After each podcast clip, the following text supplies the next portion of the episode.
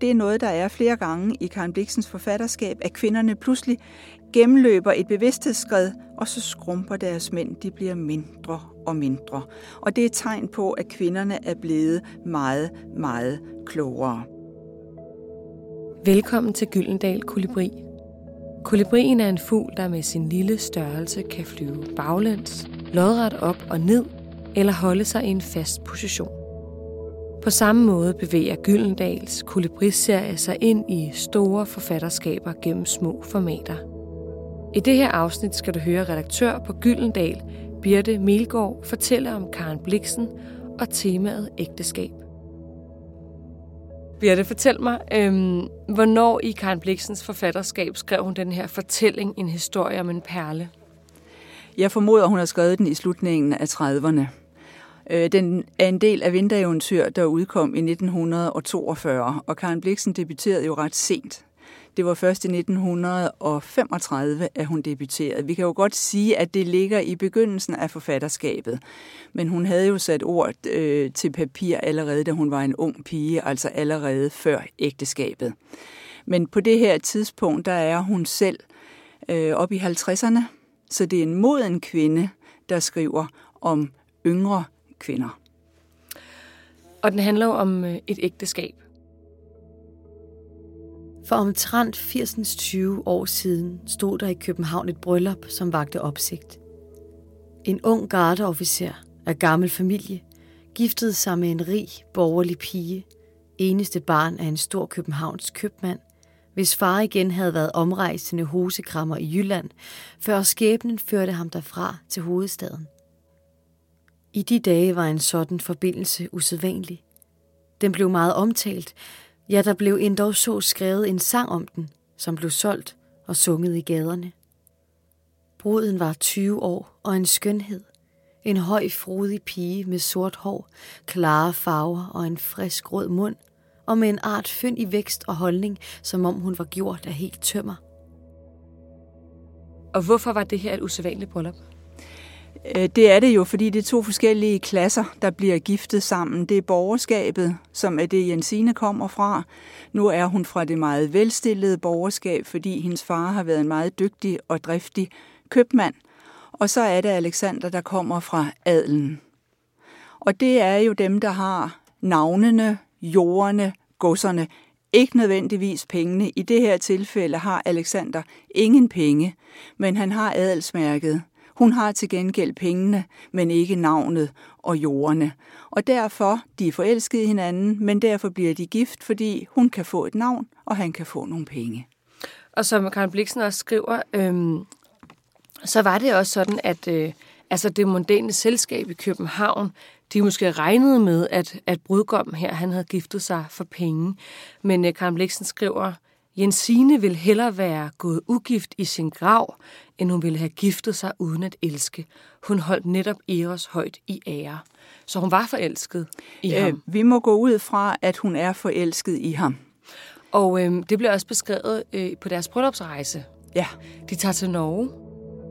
I krinoline og med albestok i hånden besteg Jensine mange stejle fjelle ved sin mands arm, eller alene, for hun var stærk og letfodet. Hun stod oppe på tinderne, mens blæsten sled i hendes klæder og svøbte dem omkring hende, og undrede sig, og undrede sig igen. Hun havde hidtil levet i Danmark og et års tid i en pension i Lübeck, og hun var vant til, at jorden udbredte sig horisontalt, flad eller bølgende for hendes øjne. Men her i bjergene syntes alt på forunderlig vis at stå lodret op, som et stort dyr, der rejser sig på bagbenene. Og man kan ikke vide, om det er for at lege eller for et sønderknuse. Hun var højere oppe i æderen, end hun nogensinde havde været, og luften gik hende til hovedet som vin. Hvorfor er det, at Karen Bliksen placerer Jensine i det her landskab? Det gør hun jo for at lave en modstilling, fordi hun har boet hele sit liv, som der også bliver sagt, i det flade land. Og det er jo det meget øh, øh, kulturelle land, det, det disciplinerede land. Hun er en borgerpige, der i den grad har levet under et enormt tryk og under ordnede forhold. Godt kristent hjem. Vi skærer ikke ud, vi viser ingen følelser, vi viser slet ikke nogen drifter. Og lige pludselig så placerer Bliksen hende i Norge. Og det er styrtende for sig, og det er høje bjerge og forrevne klipper og alt det. Et tegn på den indre driftsverden og vildskab, som jo er det, historien handler om, som bliver vagt til live i Jensine. Det sker i mange etapper. Men man kan mærke, at der er, altså, der er noget på færre. Der er absolut noget på færre. Hun, man, der står også her, set på afstand var det som et fint overnet af sølvfjeldsiderne med nær ved sang og tordnede de i brætte skumne vandfald herover regnbuen, truende. Det var som om hele naturen skokkerlå eller hulkede højt. Ja. Jeg ved ikke, hvad skokkerlå er. Men øh, man ved ikke helt, hvad det er. Der, der er i hvert fald noget, noget på færre. Det er ret tydeligt. Det er natur og vildskab, hun lige pludselig er blevet placeret i. Og vi får også senere at vide i, i fortælling, at vi er øh, cirka i 1860'erne. Ja, vi, det bliver sagt meget tydeligt mod slutningen. Vi er i 1863, lige før at den berømte krig 1864 øh, bryder ud. Og det passer jo også med, at hun i indledningen, Karen Bliksen, siger, for 80 år siden, vi regner 80 fra 1940, og så har vi der cirka 1860. Og øhm, så går der ikke øh, så, så mange dage, så begynder Jensine pludselig øhm, at forstå, at øh, hendes mand er frygtløs. For der var ikke gået mange dage efter brylluppet, før en Jensine tydeligt forstod, hvad hun måske vagt havde anet allerede fra deres allerførste møde. At han var et menneske, der aldrig havde kendt til, og som var ude af stand til at føle frygt. Hun havde læst i bøger om helte, havde sværmet for dem og drømt om dem. Men Alexander lignede ikke heltene i hendes romaner. Han trodsede og overvandt ikke denne verdens drager og jætter. Han vidste ikke, de var til. For ham var bjergene en legeplads, og alle livets forteelser, kærligheden selv indbefattet, og hans legekammerater i den. Om hundrede år, min elskede, sagde han til hende at det jo alt sammen lige meget. Så han er altså frygtløs, ham her, Alexander. Han er i, øh, i, i stærk modsætning til Jensine. Hun er frygtsom. Han er frygtløs. Han er let sindig. Han tænker hverken på fortid eller fremtid. Han er fuldstændig forankret i nuet. Han er ligeglad med konsekvenserne af nogen ting. Det er her og nu. Hun er stik modsat. Det er de tusind gustne overlæg. Hun tænker sig om, hun kontrollerer sig selv, og, og øh, hun kan næsten ikke have, at han ikke er bange for noget og derfor forsøger hun at udfordre ham. Så må hun ligesom overskride sin egen grænser og være den, der går helt ud til klippekanten. Den, der hele tiden bringer sig i en farefuld position i håb om, at Alexander han kommer hen. Nej, det må du ikke, og tager fat i hende. Det gør han ikke. Han er ligeglad. Han er ikke bange, og det har han aldrig nogensinde været. Hun vil gerne lære ham frygt at kende. Mm. Og det er jo et tegn på de der borgerlige normer, som så står over for adelens mere frie, øh, letsindige liv. Så det er virkelig to vidt forskellige livsindstillinger, som er bragt sammen i det samme ægteskab. Og, og han prøver ligesom at blive hendes ven, og han fortæller hende og taler og snakker op i bjergene, og hun, hun vidderligt forsøger at gøre ham bange ved at gå ud på kanten og sejle alene i en robåd, men han er ligeglad. Han er ligeglad. ja. øhm, og øh, altså, som, øh, som hvad hedder det, øh, hun også skriver her, altså Karen Bliksen, fra nu af udviste hun på deres bjergvandringer mere mod og dristighed end han selv. Hun stillede sig lige på randen af afgrundene, lænede sig på sin parasol og spurgte ham ganske flygtigt, hvor langt der ville kunne være til bunden. Og øh, han reagerer altså ikke på det. Men så øh, fortæller hun, at på bryllupsdagen, der havde Alexander øh, givet hende en række perler ja. øh, en, en perlekæde. Ja. En perlekæde, som han selv øh, har fået fra sin bedstemor. Ja. Som bedstemoren fik fra bedstefaren. Ja. Og det er faktisk det eneste, han frygter at miste. Ja. De perler, dem kærer han sig om.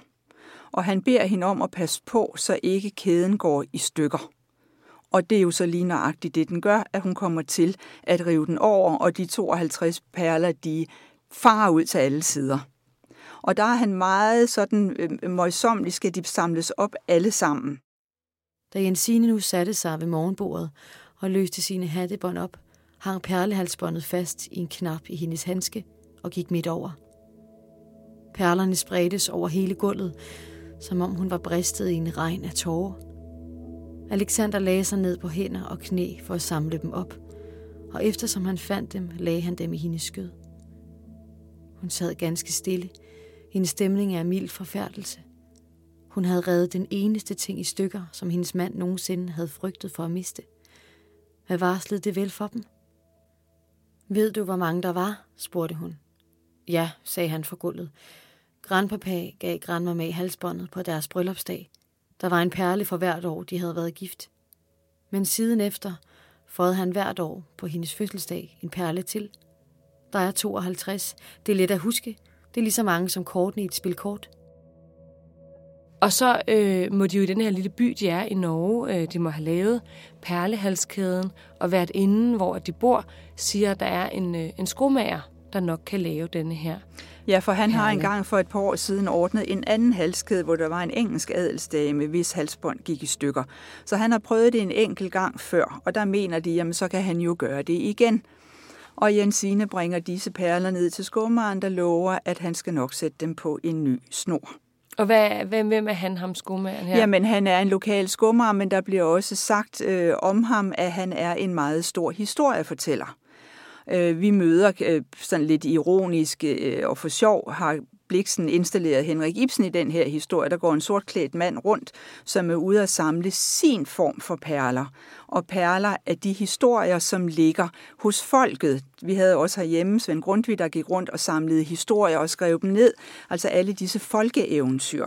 Og der siger Ibsen, at skummeren han øh, ejer mange perler.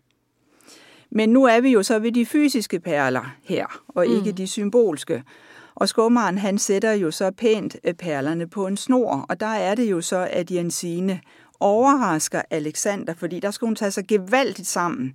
Hun tæller dem ikke, da hun får dem retur. Og det vil jo være hendes natur, at have styr på alting, og derfor sætte sig møjsommeligt og se, om alle 52 er der. Men hun vil provokere Alexander. Fordi nu har hun opdaget, at det er det eneste, der kan gøre ham bare en lille bitte smule frygtsom.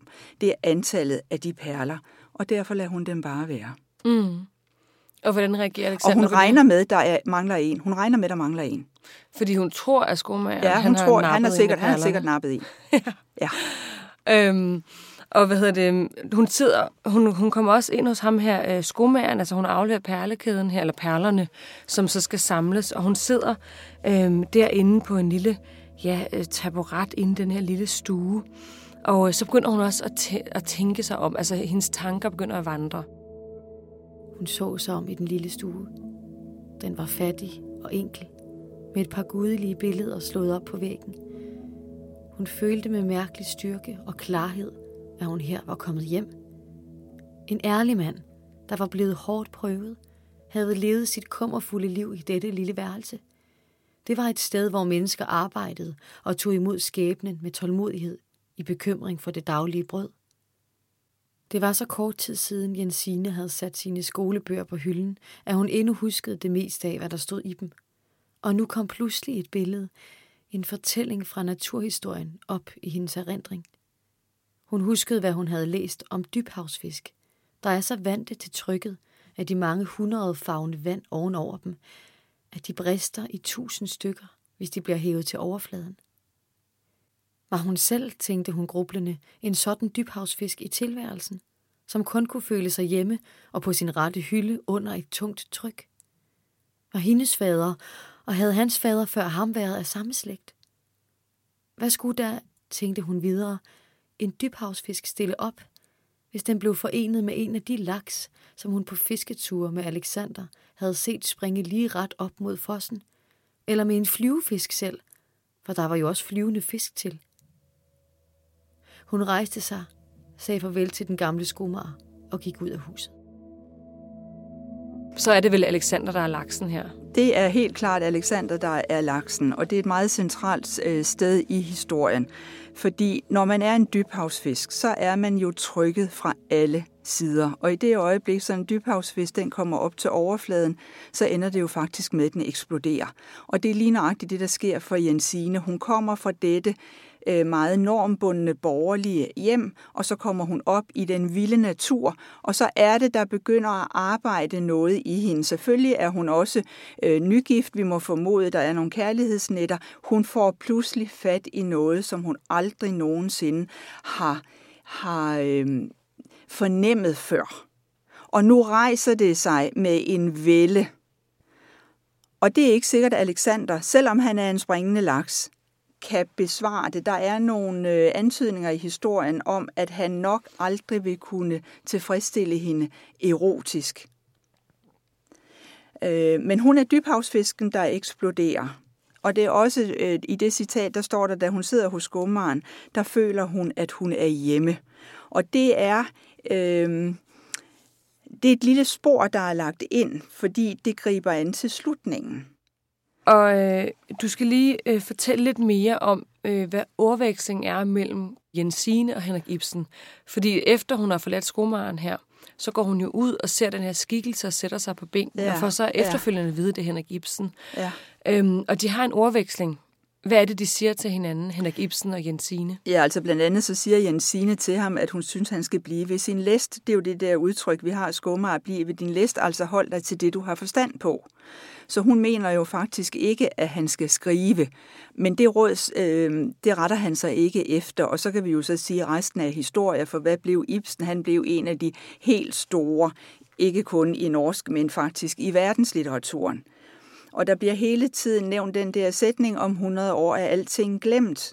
Nej, det var det jo så ikke for Ibsens vedkommende, fordi han læses stadig væk. Så ved at trodse det råd, så blev han altså husket også om mere end 100 år. Det er sådan en lille sidehistorie, der er.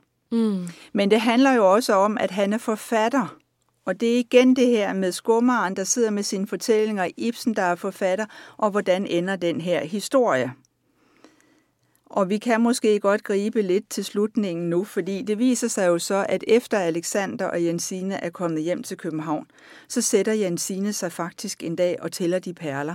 Mm. Og så mangler der ikke en, men hun har fået en ekstra. Øhm, jeg tror lige, at jeg springer til det, til det stykke, altså hvor hun, fordi vi skal lige det stykke med her, hvor hun sidder og, og øh, beslutter sig for at tælle perlerne. Det er jo ret afgørende, ikke? Ja. De er, på, de er i Norge, hun får de her... Øh, perler tilbage, tæller dem ikke for at provokere øh, sin mand, øh, er så tilbage i København, og der går øh, noget tid, hvor hun så pludselig en dag sidder og læser øh, aviserne igennem fra ende til anden, og en dag så stød, øh, støder hun så på noget i Berlingske Tidene med den følgende sætning. Øjeblikket er alvorligt for hele nationen, men i sikker overbevisning om, hvor sags retfærdighed er vi dog uden frygt. Og det er, er fordi, at den, øh, den slesvig-holstenske krig er lige under opsejling. Det var måske ordene uden frygt, som nu fik hende til selv at samle alt sit mod. Hun satte sig på en stol ved vinduet, tog perlerne af og lagde dem i sit skød. Et øjeblik sad hun med hænderne foldet om dem, som om hun bad om styrke. Så talte hun dem. Der var 53 perler på snoren.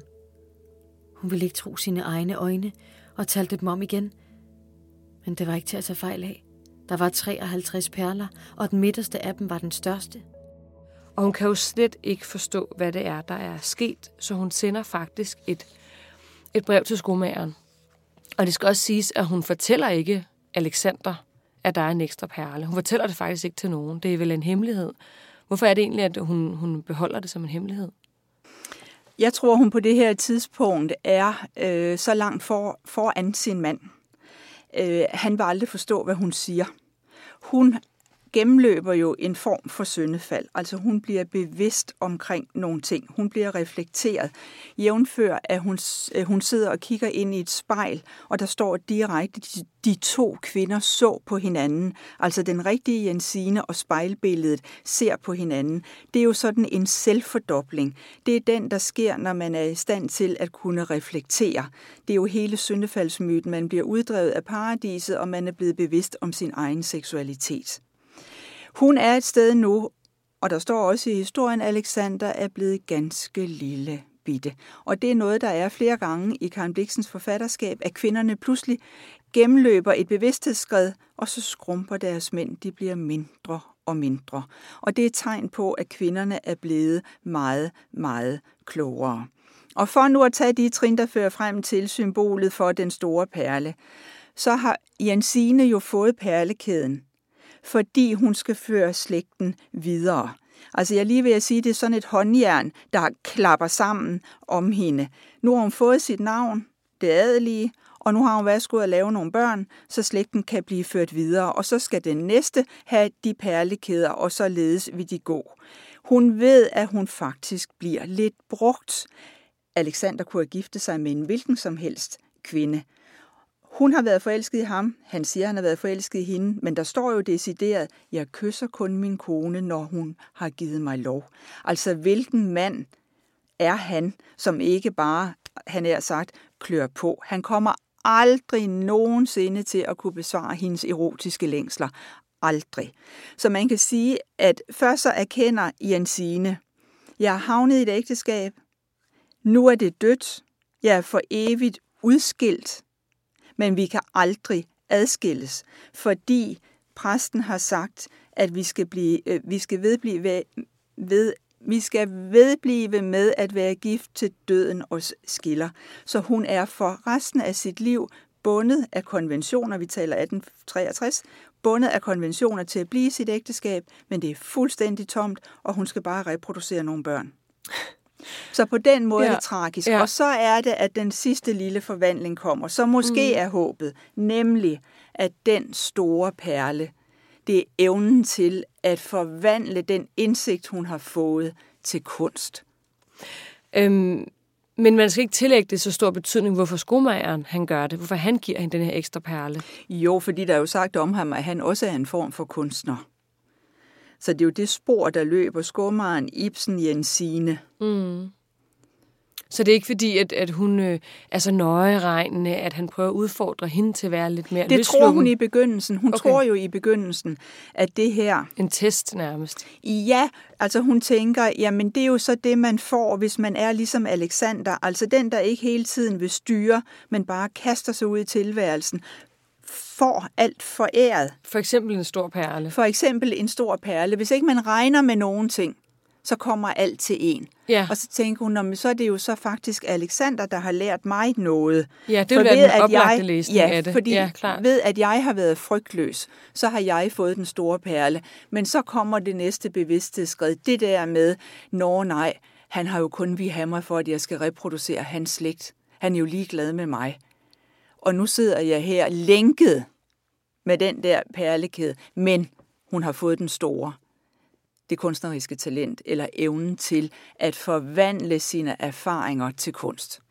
Og bare lige for at understrege, hvor øh, lille øh, Karen Bliksen beskriver Alexander i Jensines øjne, så lyder det sådan her til sidst. Alexanders lille bitte skikkelse ved vinduet i den anden stue sagde til hende, der kommer den ældste af dine tanter ned ad gaden med en stor buket i hånden. Langsomt Langsomt vendte Jensine sine øjne for spejlet og sine tanker til nuet. Hun gik hen til vinduet. Ja, sagde hun. De er fra Bella Vista. Det var navnet på hendes faders villa på Strandvejen. Fra hver sit vindue så mand og kone ned på gaden. Ja. Så de er totalt adskilt, det to. De er totalt adskilt. Og han er en lille mand og han er en lille bitte mand. Og på den måde er det jo en tragisk historie. Nu er en historie om en perle kommet i en lille bog, hvor den er sammenstillet med den historie, der hedder Ringen, som er fra skæbneanekdoter. Og det handler faktisk om nøjagtigt det samme. En ung kvinde på 19 år, der bliver gift med en mand, og de lever nærmest i en paradisisk tilstand. Alt er hvidt. Hun er hvid kjole, hvid hund, hvide får, hvide skyer. Alt er hvidt. Og så møder hun en fortyv, og alt ved ham, det er blod, det er rødt. Og der sker nøjagtigt det samme som for Jensine, at denne forhørte, som har slået en mand ihjel, han kommer til at trække hele det driftsliv op i hende, som har været undertrykt. Og i det øjeblik, at, at, at Lise, som hun hedder, indser det, så er hendes ægteskab fuldstændig færdigt og slut. Så er hun uddrevet af det faktisk helt konkrete paradis, som er den gård, hendes mand har. Hun er sat ud i den vilde natur, men hun er nødt til at blive der, for man kan ikke blive skilt. Den historie er lagt tilbage i begyndelsen af 1800-tallet. Hun kan aldrig blive skilt, men hun er fuldstændig ensom.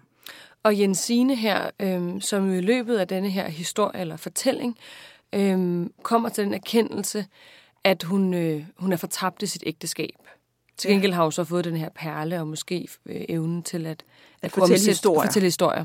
Øh, og man kan jo ikke lade være med at, at drage nogle paralleller til Karen Bliksens øh, liv. Men øh, havde Karen Bliksen ikke borgerligheden?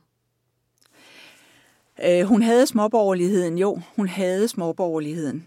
Altså det der med at, at øh, hele tiden tænke på, hvad andre tænker.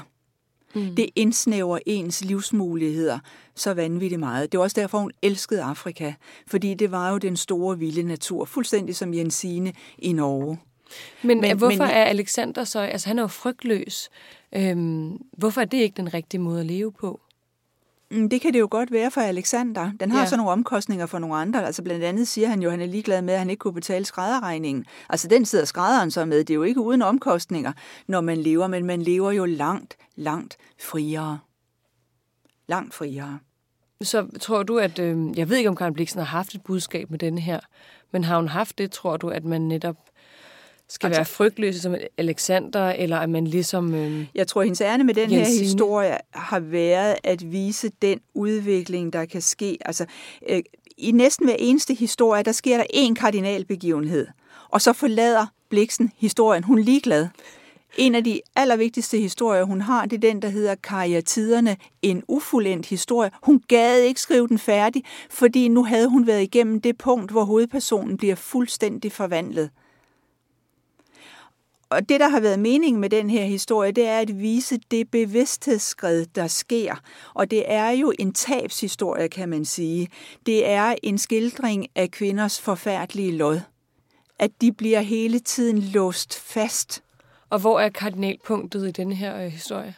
Jamen det er jo der til allersidst, hvor hun, øh, hun finder den, den ekstra perle, og hun skriver op og får at vide, at det er en lille spøg, skummeren har haft øh, øh, for med hende.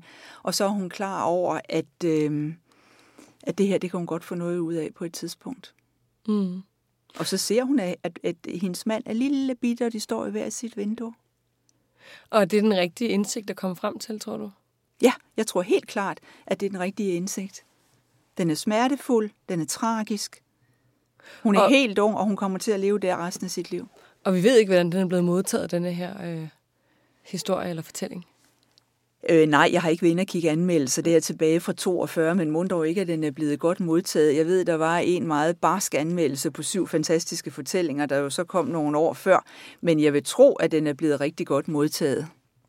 Og den kom jo så også under besættelsen, og den blev, øh, som Karen Bliksen sagde, at, at det var jo historier om Danmark og, og udgivet i en kold tid.